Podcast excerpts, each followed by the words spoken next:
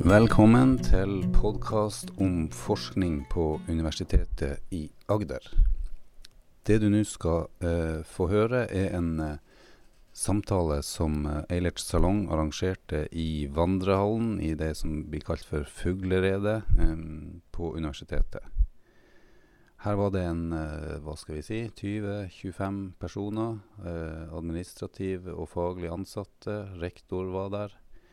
Og vi hadde presentasjoner innledningsvis av uh, viserektor i forskning og en erfaren professor på Universitetet i Agder.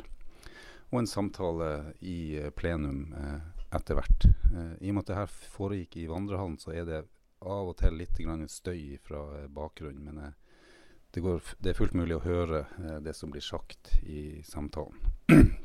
Temaet for samtalen var eh, hvordan Universitetet i Agder, som et nyere universitet relativt, eh, skal eh, løfte seg i forhold til forskning, publisering, eh, prosjektinngang, eh, forskningsbiten. Alt det som ikke er eh, eh, undervisning. Og det er knytta til et sånn utvalg som har laga en rapport hvor de foreslår noen nye prinsipper for hvordan vi skal organisere forskningstida. Så det handler altså om Universitetet i Agder, men også eh, hvordan det er å være forsker på, eh, på universitetet, og hvordan eh, den enkelte forsker kan eh, på en måte ha noen oversiktlige, tydelige krav og eh, ordninger som gjør at, eh, at eh, man får lyst til å forske mer og får, får belønning for å eh, forske. Så begge de to eh, tingene kommer opp i løpet av samtalen. Så det er to ting som eh, kommer opp. Det ene er eh, at uh, den her eh, rapporten som det snakkes om, eh, den foreslår at det skal lages en slags felles norm for hvordan forskningstid eh, skal eh, fordeles eh, til de ansatte forskerne på universitetet. Og der eh, kommer det opp en litt sånn spissfindig diskusjon, eh, som både May-Britt Oman Nilsen eh, tar opp, men også Jarle Trondal, som er professor på eh, statsvitenskap. Eh, nemlig eh, at mindretallet i denne gruppa som har laga denne rapporten, mener at når vi skal si at eh, f.eks. en førsteamanuensis skal ha 40% forskningstid, så skal det regnes av den totale arbeidstiden som eh, man har. Altså 100% arbeidstid. Det mener mindretallet. F ehm, flertallet mener at man skal beregne ehm, forskningstid etter at man har trukket fra eh, eh, administrativ tid. Um, så da blir altså den prosenten som man regner f.eks. 40% forskningstid Eh, Da blir jo den lavere eh, når man da har trukket ut eh, de administrative oppgavene først. da.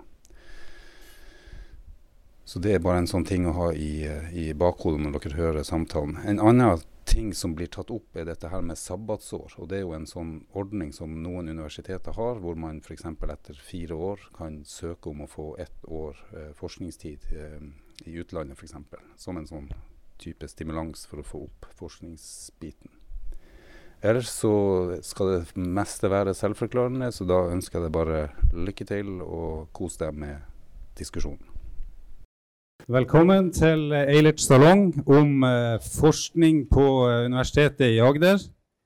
Det er hyggelig at det kom så mange. Eh, jeg heter Jørn og jobber i Eilert Salong. I tillegg så har vi Kent som står der bake, Tale som jeg ikke kan se nå, og Anne-Elisabeth. Det er vi som jobber med Eilert Salong, stort sett med samfunnsvitenskapelig debatt nede på teatret i byen. Uh, og av og til så tar vi på oss litt sånn uh, hva skal vi si det, indremedisinske uh, ting på universitetet. Og det kaller vi for Eilerts pop-up. Så dette er kun for folk som er opptatt av universitetspolitiske spørsmål. Eh, og så eh, var temaet som vi valgte denne gangen, eh, knytta til en sånn eh, rapport eller et arbeid som pågår i forhold til å vurdere hvordan kan Universitetet i Agder bli bedre på forskning, forskningsformidling, eh, innovasjon, alt det som ikke er undervisning. Hvordan kan vi løfte oss opp til å bli, bli eh, eh, tilfredsstille de kravene som et moderne universitet skal, eh, skal levere på den, på den biten. Eh, kanskje er det fortsatt sånn at eh, det er eh, ordninger og rutiner tilbake fra vi var en høyskole, som henger igjen. Eh, og den rapporten handler da om hvordan vi kan eh, forbedre og se på eh, andre måter å gjøre det på, sånn at vi blir bedre på dette her. I, UES, I den rapporten som jeg snakker om her nå, som noen av dere kanskje har lest, så heter det at i UEAs strategi eh, vektlegges forskning, nyskapning og kunstnerisk utviklingsarbeid som en grunnleggende del av universitetets samfunnsoppdrag. For å oppfylle dette oppdraget trenger vi rom og gode rammer for å kunne nå målene om omfang og kvalitet på vårt FoU-arbeid. Så før vi eh, går i gang med eh, innspill og eh, diskusjon på det temaet, så har vi fått eh, viserektor for forskning til å si litt om eh, det som dere har eh, jobba med i den rapporten. Og så skal eh, professor i historie May-Britt Oman eh, Nilsen eh, få lov til å kommentere eller komme med sitt perspektiv på det. Så da tror jeg rett og slett jeg bare først gir eh, ordet til Hans Kjetil. Ja, tusen takk. Og tusen takk for at jeg fikk lov å komme og innlede om det her nå. Jeg har altså leda det utvalget som har jobba med det her nå, nå i løpet av våren. Eh, og vi har levert en rapport. Eh, den rapporten lå ute til høring, og høringa er ferdig. Den var innlevert den 22.9. Og så har vi nå en debatt videre om det her nå, om hvordan vi skal eh, håndtere det i den videre prosessen. Hvorfor gjorde vi det her? Det å skape rom for våre kjerneoppgaver, som er undervisning, forskning, formidling, innovasjon, det står høyt på agendaen for oss. Eh, og som alle vet, så er det en utfordring fordi at eh, spesielt undervisningsoppgavene våre tar mye tid. Men òg fordi at vi er finansiert på en slik måte at tid til forskning, kunstnerisk utviklingsarbeid, formidling, innovasjon er et knapphetsgode. Og Det er det som er årsaken til at vi har det oppe som spørsmål stadig vekk. Grunnplanken i et universitet er og skal være eh, FoU-arbeid. Og all annen aktivitet skal ideelt sett komme ut av den forskninga og det utviklingsarbeidet som vi gjør. Og Derfor er det viktig at vi òg har forutsetninger for faktisk å kunne gjøre den delen av virksomheten vår. Og at vi kan gjøre det med så god kvalitet som overhodet mulig. Og når vi i ledelsen maser om at vi må lykkes på konkurranse- og formidlingsarenaen som vi er eksponert på, eh, så er det i praksis det her det handler om. Eh, har vi god nok kvalitet, så lykkes vi. Og for å få god nok kvalitet så trenger vi rammebetingelser som setter oss i stand til å levere. Og det er utgangspunktet eh, for det her nå. Formålet med forslaget som ligger her nå, det er å stille det overordna spørsmålet om hvordan vi ønsker at UiA skal prioritere forskning og annet FoU-relatert arbeid. Med andre ord hva slags universitet vi faktisk ønsker å være. Intet mindre. Og Her har utvalget som har jobbet, vært ganske tydelig på at FoU-arbeid er kjernen i universitetets virksomhet. og Derfor så må vi prioritere det høyt. og Det er òg bakgrunnen for eh, det forslaget som ligger her nå. Eh, hovedoppgaven som eh, utvalget hadde, var tredelt. Det ene var å gjøre en kritisk gjennomgang av dagens prinsipp for fordeling av eh, FoU-tid. Eh, det andre var å kartlegge eh, eh, og gjennomgå fordelingsprinsipper på FoU-tid på et utvalg av andre universitet for å gi oss et sammenligningsgrunnlag. Og det tredje var å utarbeide et forslag til nye prinsipp for fordeling av Eh, av FoU-team. Eh, utvalget gjorde en del eh, ganske så gode diskusjoner på en del punkt. som dere ser i rapporten, så er det strukturert i elleve tema. Jeg skal bare trekke fram noen av dem. Altså det første er det at vi diskuterte det her nå med FoU-tid som begrep og som virkemiddel, og relasjonen til akademisk frihet. Og det som utvalget da sa her nå, var at eh, før så, så vi på FoU-tid som noe eh, litt lik privat, eh, litt lik egendisponert tid. Eh, mens i dag så blir det i større og større grad betrakta som en offentlig ressurs og som en innsatsfaktor i ulike aktiviteter. Og Det reiser en diskusjon om den frie forskningstida er under press. Og Da har vi på en måte en forpliktelse til oss til å legge til rette for at vi faktisk klarer å håndtere det på en god eh, måte. Det andre punktet som jeg trengte jeg skulle trekke fram av den diskusjonen, det er knytta til det her med ressursgrunnlaget. UiAs ressursgrunnlag for tildeling av FoU-tid er begrensa. Og sjøl om vi har gode fordelingsprinsipp, så løser vi ikke det. Men det vi kan gjøre noe med, det er å finne et bedre utgangspunkt for å prioritere internt på UiA. UiA har en basisbevilgning som eh, ikke er på lik linje med de eh, gamle, såkalt gamle universitetene. Eh, og prioritering av tid til undervisning versus FoU det blir derfor en ganske krevende balansegang, både økonomisk og, og faglig. Eh, det er ganske store forskjeller mellom fakulteter i hvordan ressursene er disponert når det gjelder FoU-tid. Um, og Det som vi klarte å klarlegge gjennom det arbeidet, var det at det her kan ikke begrunnes med forskjeller i budsjettmodellen. Um, det som er bakgrunnen for uh, forskjellene, er rett og slett prioritering av uh, ressurser på de ulike fakultetene. Så det er det som på en måte er hovedutfordringa i, i, det her nå. Så institusjonelle fordelingsprinsipp eh, på FoUT vil da potensielt kunne gi et bedre utgangspunkt for prioritering av ressurser eh, på tvers av, eh, av fakultetet, er det som utvalget da har sagt. Et eh, tredje punkt som jeg tenkte jeg skulle trekke fram av deg, det er at det er jo sagt fra utvalget at det er behov for en tydeligere felles definisjon av FoU-tid, og hva som inngår i FoU-tid. Eh, og Det er jo et viktig grep da, for å unngå systematiske forskjeller mellom, uh, mellom, fakulteter. Enkelte oppgaver må avklares hvor de ligger hen, og hvor de bør ligge i arbeidsplan, om det er undervisning og om det er forskning. Et slikt tema som har vært oppe mye til diskusjon, det er det her med, uh, med veiledningstid på ph.d. Hvor det skal på en måte regnes inn hen i, i det her nå. Og så er det jo sagt det at Vi må avklare forholdet mellom det som er på en måte ordinær bevilgningsfinansiert FoU-tid, og det som er eksternfinansiert FoU-tid. Hvordan vi på en måte legger det inn som en del av uh, de vitenskapelige stillingene. Um, og ut ifra, det her nå er bare en liten slik smakebit av det som vi har diskutert i det her nå, men ut ifra det her nå så er det da laga et uh, forslag Eh, til eh, nye institusjonelle prinsipp for fordeling av FoU-tid. Til grunn for det her nå så ligger uh, noen slike ting som det, jeg synes det er litt viktig å påpeke. Og det ene er det at alle fakultet rent budsjettmessig har altså et likt utgangspunkt for fordeling av FoU-tid. Uh, og Derfor så skal det òg være mulig å innføre eh, mer like fordelingsprinsipp og retningslinjer på tvers av fakulteter. Det betyr altså at da, den til, ulikheten som vi ser i dag mellom fakulteter, kan ikke forklares med en eh, budsjettmodell som ikke virker. Og Derfor så har utvalget sagt det at budsjettmodellen er derfor ikke oppe til diskusjon. Eh, slik sett. Vi har hatt en egen gjennomgang av budsjettmodellen, så, så, det er ikke på en måte det som er, det som er problemet.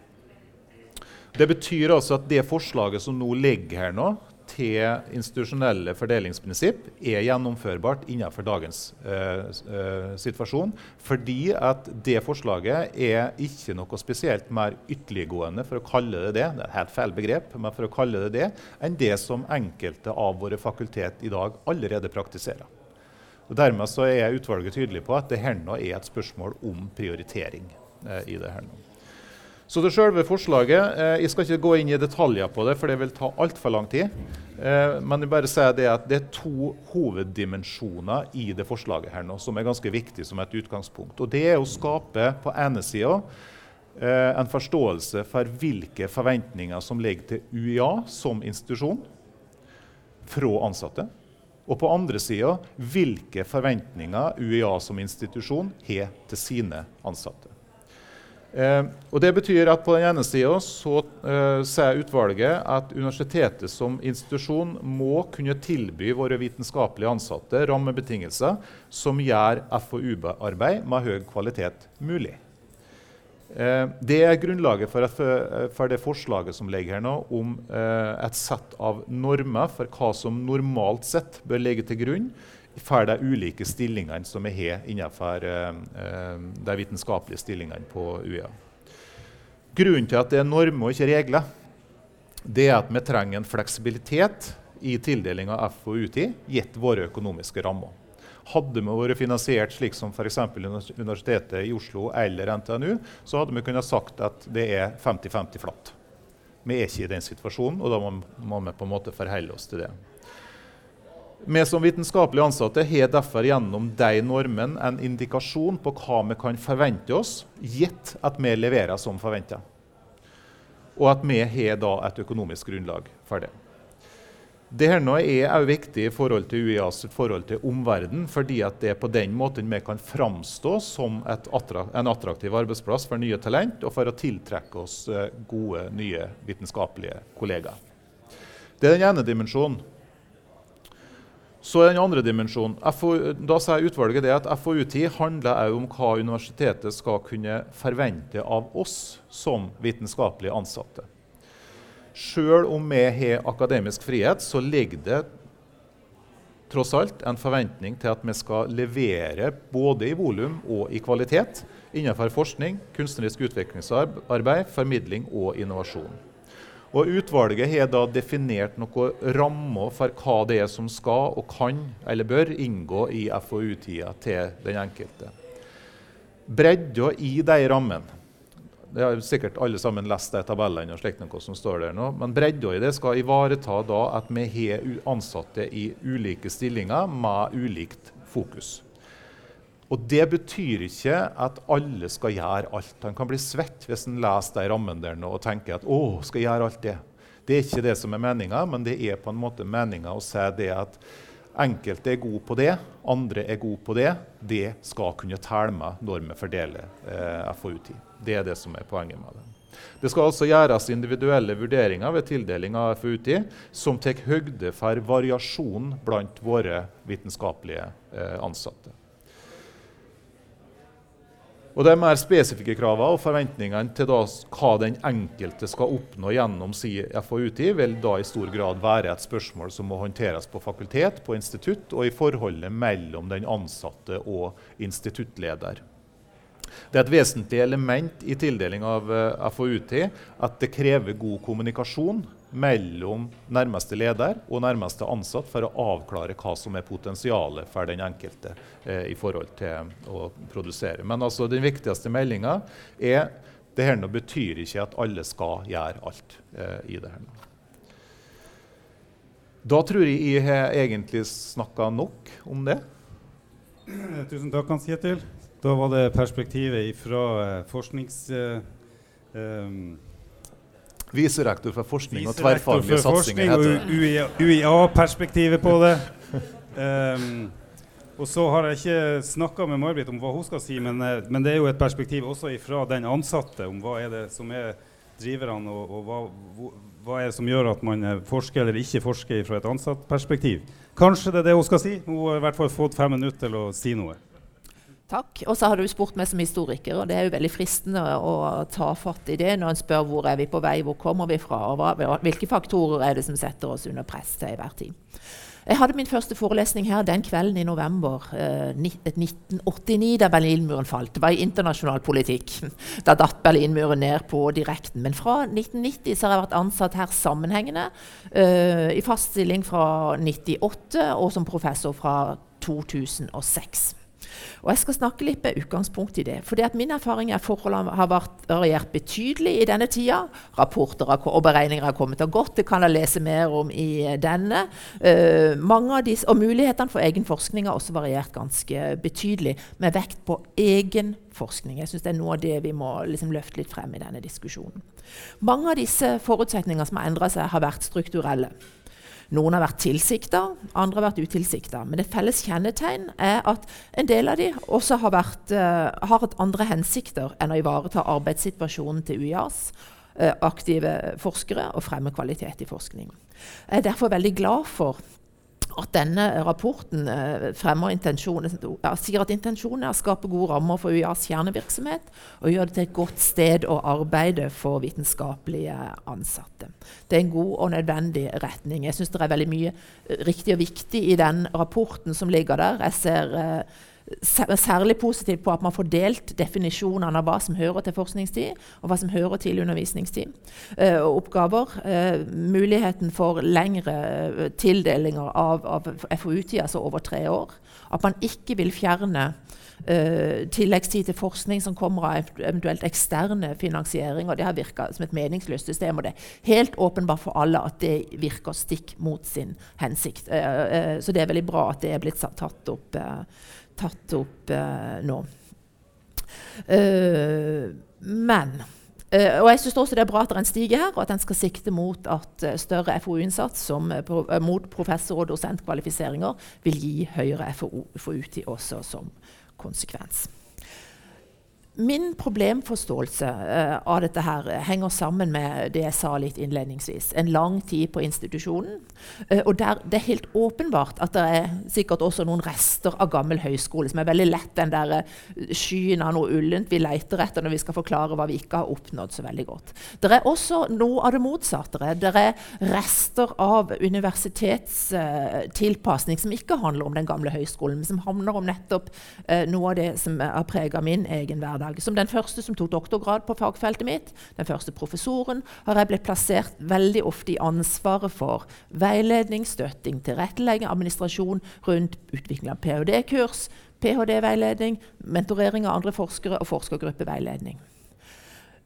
Og dette kan vi definere som forskning, for det er helt åpenbart at det ligger til den aktiviteten institusjonen skal ha mer av. Men er veldig, eh, i veldig begrensa grad kan en kalle det egen forskning. Og det dilemmaet i den andre enden er, er der helt åpenbart eh, også. Jeg tror det er et av problemene, eller et av de områdene jeg kanskje ikke har tenkt helt ferdig i denne rapporten. her. For forskning og egen forskning er ikke tematisert så tydelig sånn som jeg ser det. Uh, og jeg synes en vei inn i noe av dette kan finnes i det mindretallet foreslår om å beregne et faglig årsverk etter at administrasjonen er trukket fra.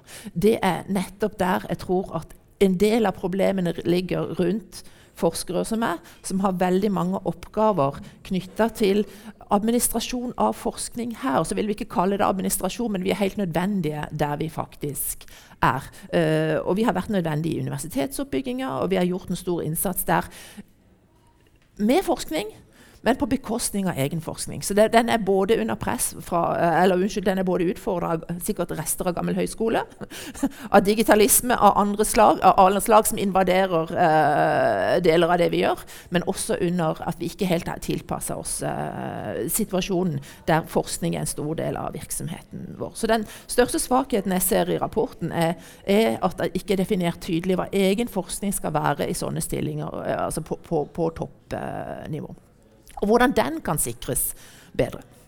Uh, ok, Jeg skal uh, bare peke på et sted i rapporten jeg syns denne inkonsekvensen er der. For jeg syns det er veldig mange gode trekk til å ville gjøre det. Men, men i tillegg til det at jeg syns mindretallets uh, forståelse av hvordan det bør beregnes, bør tenkes mer grundig gjennom å løftes høyere opp og virkelig formane om å ta, ta, den med seg til, til, til, til, videre diskusjon. til den så vil jeg gjerne henvise til tabellen på side 37. For den viser, eh, eller oppsettet på side 37 som viser noe av problemet. Eh, for det at av og til, og flere steder, så fremholder man ph.d.-undervisning og veiledning det skal være undervisning. Helt åpenbart. Å få det definert der hadde stor betydning på min arbeidsplan. Jeg har hatt mellom fem og seks ph.d.-kandidater sånn jevnt siden ca to tid. Uh, og det er klart at det tar ganske mye tid, og det har betydning hvor det ligger. Men det samme gjelder ph.d.-kursing, det gjelder mentorering av andre veiledere, det gjelder å lage kurs uh, på forskerutdanning. Alt det der er undervisning for oss som driver det. Og I denne tabellen her under FoU så står det 'utvikling av og deltakelse i ph.d.-kurs' står under forskning. Mens utvikling av det, altså undervisning av andre forskere og mentorering der, det er undervisning for de forskerne som faktisk driver det. Så her, må, eh, her tenker jeg at det kan være behov for å rydde opp. Og ledelse og deltakelse i forskergrupper og forskningssentre det er veldig forskjellig om jeg deltar i noe for min egen forskning, eller om jeg er inne og leder både for min del og for mange andres del. Der tror jeg presset ligger på de aller mest aktive og meritterte forskerne våre akkurat nå. Og det er ikke rester av gamle høyskoletenkning. Det er en annen type utfordring som vi ikke helt har kalibrert for. Og kanskje vi få i den situasjonen, men jeg tror det er ganske mange av de hvis forskningen ønsker å få lagt bedre rom til, som, som, som, som er på bordet i den, uh, i den, kabalen her. Og hvis noen har lyst til å regne på min arbeidsplan, så er det hjertelig velkommen hvis jeg kan være et case for, for andre typer av undersøkelser her. Det siste jeg ville sagt, var at fleksibiliteten i praktisering av sabbatsår og forskningstermin den bør en også tenke gjennom. Det er en veldig viktig ordning. Jeg har aldri hatt et sabbatsår eller en forskningstermin i hele min tid. og Grunnen til det er at min, på min mitt fakultet det har de knytta det helt uløselig til utenlandsopphold. Og det er det veldig mange forskere i den fasen da de uh, skal kvalifisere seg, eller der de har kvalifisert seg, som rett og slett ikke kan bruke så lenge ikke det finnes unntaksordninger på det. Noen ganger er det kontra kontraproduktivt i forhold til hva vi holder på med. Jeg leder et utvalg for internasjonalisering av UiA eh, tilbake til rundt 2010. og der var det jevnt over. Det vi fikk vite, var at lange utenlandsopphold er kontraproduktivt på forskning. Det er mer fleksibilitet, ordninger som passer inn i en forskerhverdag, og som ikke legger unødig press på forskernes privatliv og relasjoner. Eh, det er det som skaper gode uh, forskere. Så en unntaksordning der som gjør at de som har omsorgsoppgaver, f.eks., også kan ta del i sabbatsordningene, det ville vært, vært særdeles ønskelig. Jeg søkte senest i fjor under korona da fjerna de kriteriet til utenlandsopphold. Du tenkte endelig!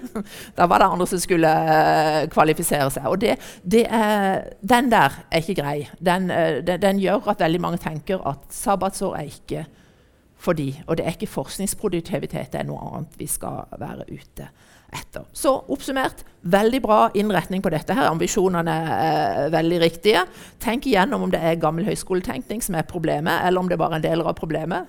Uh, gå inn i uh, mindretallets uh, tenkning rundt hvordan dette skal beregnes. Jeg tror det ligger ganske mye der. Se litt på forholdet mellom egen forskning og annen forskning. Eller annet forskningsarbeid i en forskerstilling, for det er jo det som er det store delen.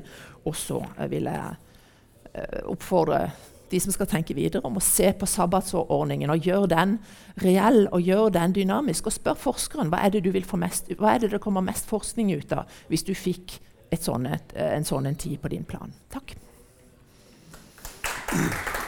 Tusen takk, May-Britt og Hans Kjetil. Det er litt sånn utfordrende eh, debatt å, å, føre dette her. fordi at eh, som dere hørte her nå, så er det ganske mange altså rapporten går innom veldig mange komplekse problemstillinger, og det kan handle om veldig mye forskjellig. Det med sabbatsår blir nevnt. Eh, eh, hva slags kriterier man skal bruke for å tildele forskningstid. Skal det bare være publiseringspoeng, eller skal det være andre eh, aktiviteter som også er forskning? Eh, er problemet at det er forskjell mellom de forskjellige fakultetene, eller er det et, et grunnleggende problem vi har i forhold til hvordan vi prioriterer forskning? Uh, så er det litt sånn eh, Vi har satt av tid frem til klokka eh, kvart på tolv til eh, spørsmål og diskusjon. Um, du sa det var veldig mye bra med denne rapporten. Da. Tenker du at det som altså Din forståelse av utfordringene til UiA, som en som har jobba siden Berlinmuren falt, i forhold til det her med, med forskning eh, Er denne rapporten eh, det med å forsøke å standardisere, gjøre det mer um, på en måte uh, trygt for den ansatte å vite at jeg har et system og en ordning som, uh, som ikke er helt tilfeldig. Uh, er det den medisinen som skal til for å løse problemet? Jeg tror ikke på totalløsninger, men jeg tror det veldig go veldig god, kan være en veldig god input. Og jeg hører heller ikke de som tenker at en skal tildele uansett hva slags aktiviteten har. Uh, så jeg syns det er bra at en kikker og endevender de ordningene. Og jeg synes det er veldig, uh, veldig, betimelig og godt å høre at noen sier at det er ikke tildelinga til fakultetene som skaper denne ulikheten. fordi at det de fleste forskere møtes med, det er jo penger, penger, penger. Altså, til, altså det, det, der uh, abrakadabra der.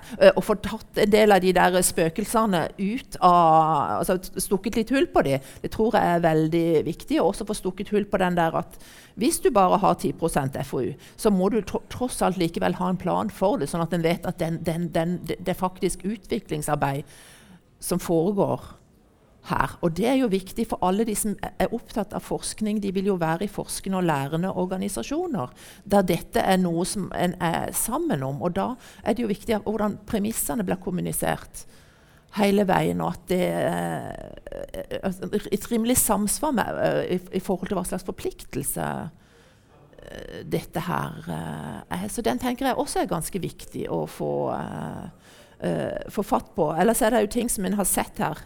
Jeg var jo et, et, av de utvalgene som så hva skjedde når alle hadde 40% flatt, som de hadde på vårt fakultet, rett etter fusjonen, for å skape ro. ikke sant? Vi var jo veldig på mange plasser. Og vi så jo etter syv-åtte år at det var jo veldig forskjell på hvordan de brukte denne 40% og så kom det en ny innstilling, og så begynte en å, å, å fordele.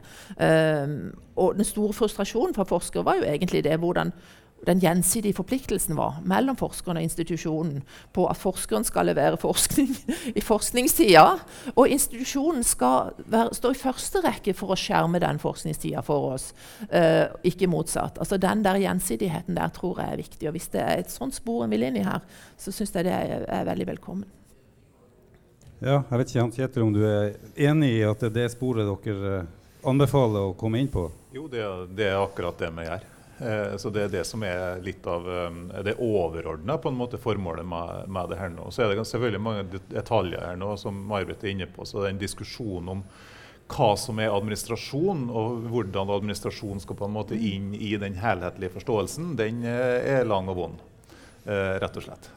Så det er en, en vanskelig, vanskelig, øvelse slik sett, fordi at ganske mye av det vi gjør som vitenskapelig ansatte, handler om å administrere vår egen vitenskapelige produksjon.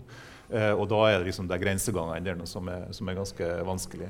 Den tabellen som står i rapporten her nå, er egentlig ment mer som et eh, diskusjonsunderlag og som et utgangspunkt eh, for det her nå. Så hvis du ser i selve forslaget, så står ikke den tabellen i selve, forslaget. Der er det gjort en, en litt, litt grovere definisjon av av hvilke hensyn som skal vektlegges når det skal, skal gjøres den type individuelle inndelinger. Eh, så eh, kikk litt på den, for den er, den er mye mer eh, hva skal si, Den er ikke så um, detaljert og så ja, som, det, som Hensikten med den tabellen var egentlig å få opp nettopp mm. de problemstillingene nå, som, som handler om å, å, diskutere oppgaver opp mot hverandre, og hvor det på en måte her er hjemme i, i det store landskapet. Det, en, en, annen diskusjon som var i utvalget, og som jeg tror er viktig å se i sammenheng med det der nå, det er um, hvor mye skal vitenskapelige ansatte forventes å faktisk jobbe med administrative ting? Hvor mye av tida skal brukes til administrative ting? Um, og Der er det òg ganske stor forskjell mellom fakultet og mellom praktiseringa av, av, det her nå. Det prøver vi å gjøre noe med på andre måter, med å rett og slett diskutere forholdet mellom vitenskapelig produksjon og administrasjon. Slik at vi finner bedre måter å løse det her nå på. Men det er ei, ei problemstilling som vi tror uh, har ingenting med UiA å gjøre, men det har med hele universitetssektoren å gjøre. Eh, rett og slett eh, i det Og som jeg tror vi må hele tida ha fokus på for å diskutere eh, hva er, er løser. Ja, du får anledning til å snakke videre om rapportarbeidet. Jarle har bedt om ordet. Ja, først og fremst bare støtte forslaget. Jeg syns det er bra at universitetet legger til grunn en todelt modell i en sentralisert fellesmodell basert på kriteriene som ligger, og en mer fleksibel modell eh, som ligger til grunn eh, lokalt skjønn. Det er bra. Og jeg tror det er bra fordi det gir en robusthet i modellen over tid. Som tilfredsstiller både kravet til en stabilitet, sånn forutsigbarhet for de ansatte. Vi vet hva vi går til, og vi kan forvente i fremtiden Vi kan forvente klart hva vi skal få av tid. For det andre en robusthet i forhold til endring lokalt.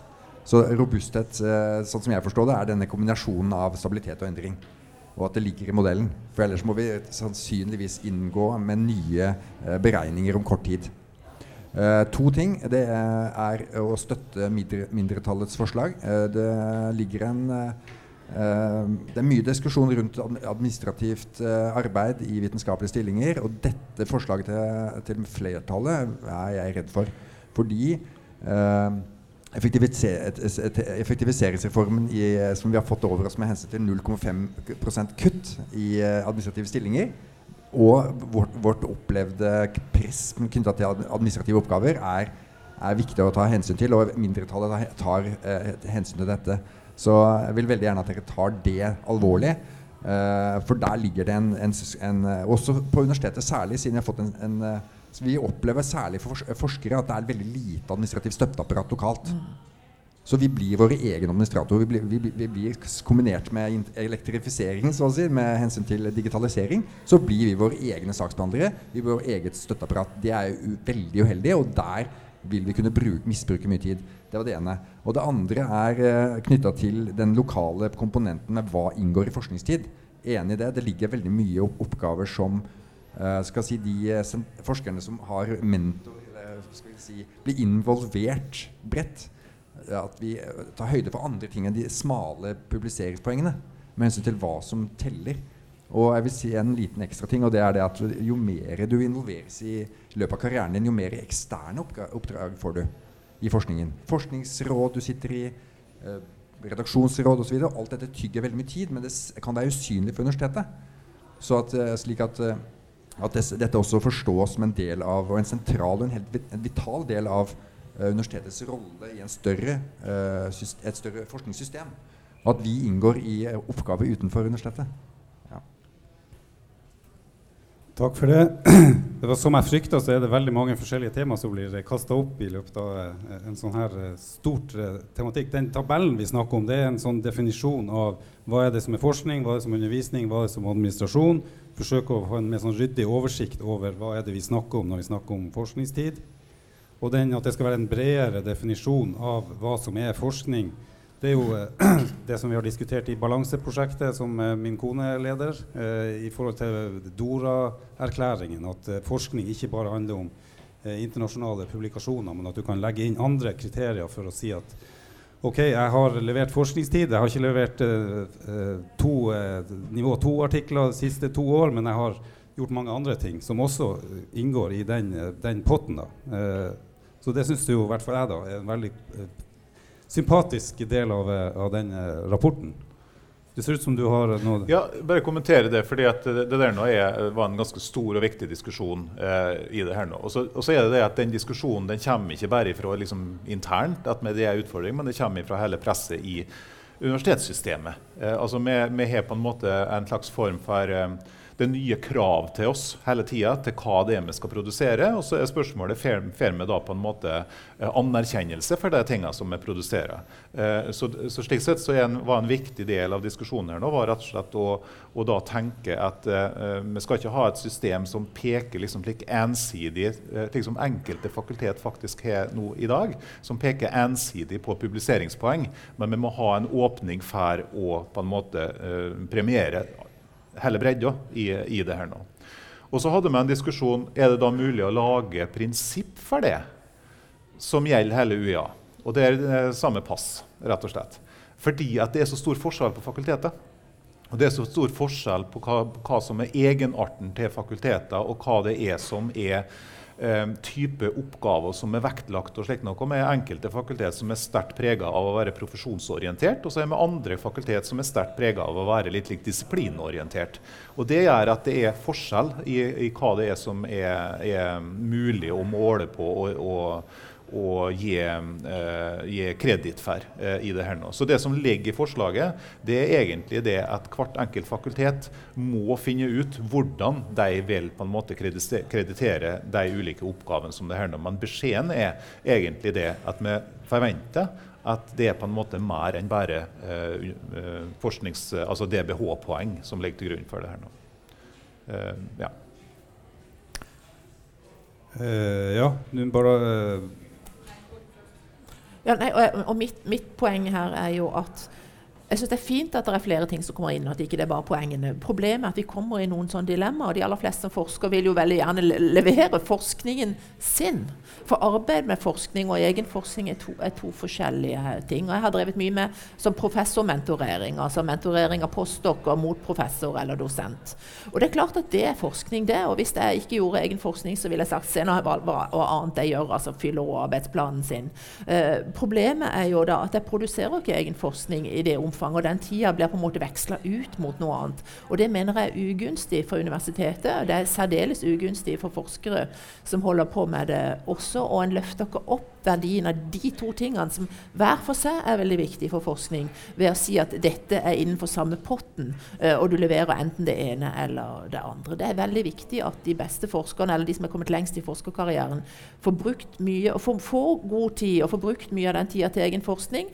Og hvis de da i tillegg kan være institusjonsbyggere eh, og hjelpe andre til å få gjort det, så må den tida på en måte rammes inn på en sånn måte at ikke det er enten-eller. Eh, det er veldig lett å Samskaping krever faktisk mer arbeid av de folka som leder forskergrupper og, leder nettverk.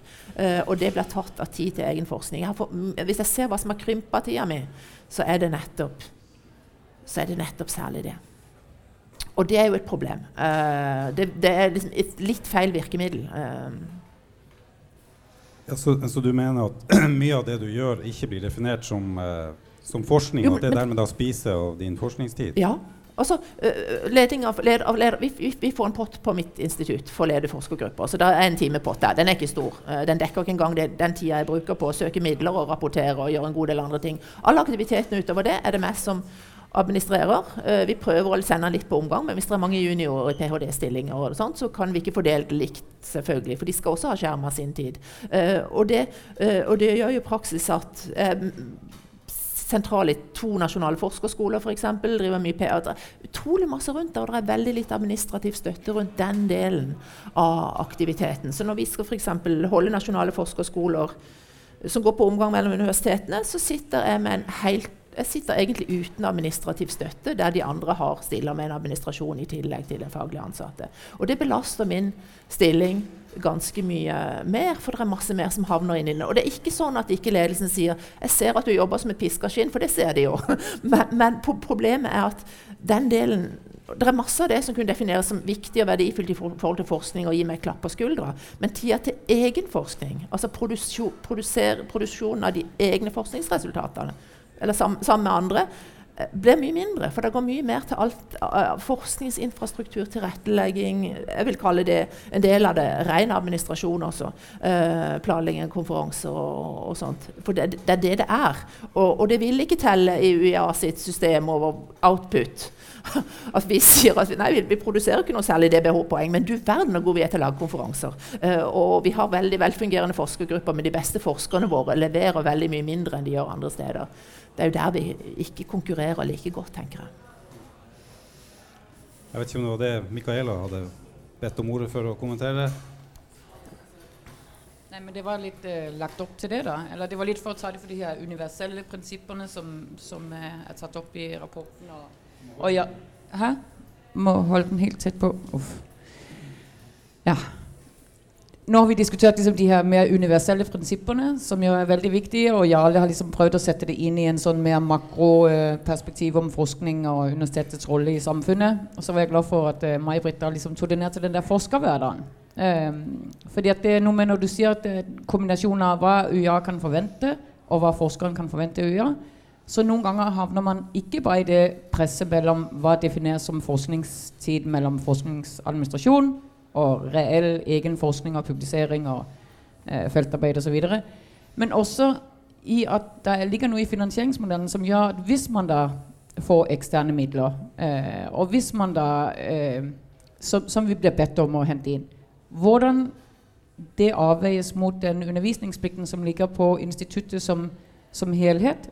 Altså Det er utrolig vanskelig å ansette midlertidig ansatte så, eller eller ansette nok folk som kan da hjelpe med å skjerme den FoU-tiden. Eh, fordi at det kommer på toppen av alt annet, og det ikke er på en måte basis eh, ja, for å ansette folk der fast. Og det spiser også inn på den forskningstida. Eller gjør iallfall at man da jobber og bygger opp KFU-er som er helt eh, vanvittig høye. Og, og, det presser kanskje tida uh, og innsatsen og motivasjonen over tid. da. Som jeg tenker også er en diskusjon i dette, om enn at det kanskje er litt sånn uh, på den andre siden. ja. Ja, jeg vet ikke om det er bare en litt sånn lokal problematikk vi har på vårt institutt, da, men det er nesten litt sånn motsatt problemstilling av det som rapporten har som utgangspunkt. At uh, vi rett og slett har for mye forskning og for mye prosjekter og for mye forskningstid, sånn at vi ikke får gjort undervisninga vår. Men uh, dere har jo kommentert noe i forhold til at ekstern finansiering ikke skal gå ut over forskningstida. sånn at uh, det ligger noen refleksjoner om det i ja.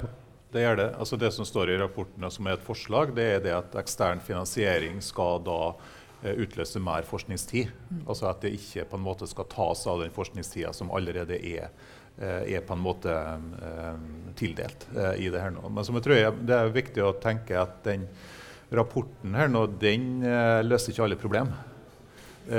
Fordi at altså det her nå med nok kapasitet er et annet problem. Det handler egentlig om å kunne ansatte og få tak i den kapasiteten. Det handler ikke om fordeling av arbeidstid til de ansatte som er der. Så jeg tenker at uh, den rapporten her nå kan ikke løse alle problemer. slik sett. Og det er jo det her noe med liksom, uh, uh, bruken av forskningstida til administrasjon, så tenker jeg at det jeg ser poenget, absolutt. Og vi hadde ganske mange diskusjoner på det. Eh, men samtidig så er det litt slik at kanskje er det da eh, organiseringa og tilgangen av administrasjon som er problemet, eller administrativ støtte som er problemet, og ikke forskningstida som, eh, som sådan. Eh, slik sett. Så jeg tror ikke den rapporten her nå løser alle problem, men eh, vi går kanskje i en retning. Liksom. Og dere har jo også foreslått at man skal se på hvordan man tildeler undervisningstid. At det kanskje er den største eh, problemet med at man ikke får tid til å forske. fordi at det ja, nå alle det at, eh, at, det er mm, på en måte ikke et systematisk måte å diskutere hvem skal ta kurs- og undervisningsbiten. Så det er jo også en, et aspekt ved det her som jeg ikke tror vi trenger å eh, rekke å diskutere i dag, for han, eh, Kent har allerede pekt på klokka. Um, skal vi gi dere noen siste sjanse til å si noe helt sånn oppsummert på slutten, før vi uh, sier takk for, takk for i dag? Ja, Oppsummert vil jeg si at jeg tror her er, intensjonene i denne her er veldig gode. Jeg syns det er et skritt i virkelig riktig retning. Jeg vil oppfordre til at en tenker på at et universitet som oss er en lærende institusjon hele veien. Og det er folk som underviser, og folk som lærer på alle nivåer oppi der. Og helt øverst i toppen sånn akademisk sett, i hvert fall sånn som det vanligvis er definert, er det noen som kurser folk på absolutt alle nivåer. Vi holder kurs for forskere, vi holder kurs for veiledere. Og det er undervisning. Uh, for å si det sånn. Og det er forskningsaktivitet, men vi underviser. Uh, så å få definert det ut av den potten som det er sett på som egen forskningstid, få skjerma den rundt det, og få det skille litt, litt, frem, tror jeg vil bidra til at veldig mange flere av de som forsker, vil være villige til å engasjere seg i arbeidet med å løfte andre også fordi at det ikke blir satt opp mot hverandre. Den der er reell. Og hvis noen uh, ønsker å se eksempler på hvordan dette kan gå, så er jeg gjerne et, uh, et granskningsobjekt. Mm. Ja, nei, jeg vil bare takke for alle mulige innspill her nå. Altså, vi er på, Helt på bakerste rad så sitter han som har vært skribent i det her nå, som har formulert rapporten. Kristian Espelien, stor takk til han. Og han noterer nå alt det jeg ser, så vi tar med det i den videre, videre prosessen her nå. Eh, Dette er en stor og viktig diskusjon. Eh, og litt av det, aller grunnleggende for min del det er egentlig å diskutere det her med hvordan prioriterer med forskning på UiA. Det tenker jeg er det mest grunnleggende i det her nå. Det syns jeg at vi har klart å få fram, eh, fram, i det her nå. Så får vi se hvordan vi da klarer å ta det fram til ei styrebeslutning utpå nyåret. på det her. Tusen takk til May-Britt og til Hans Kjetil og til alle som møtte opp.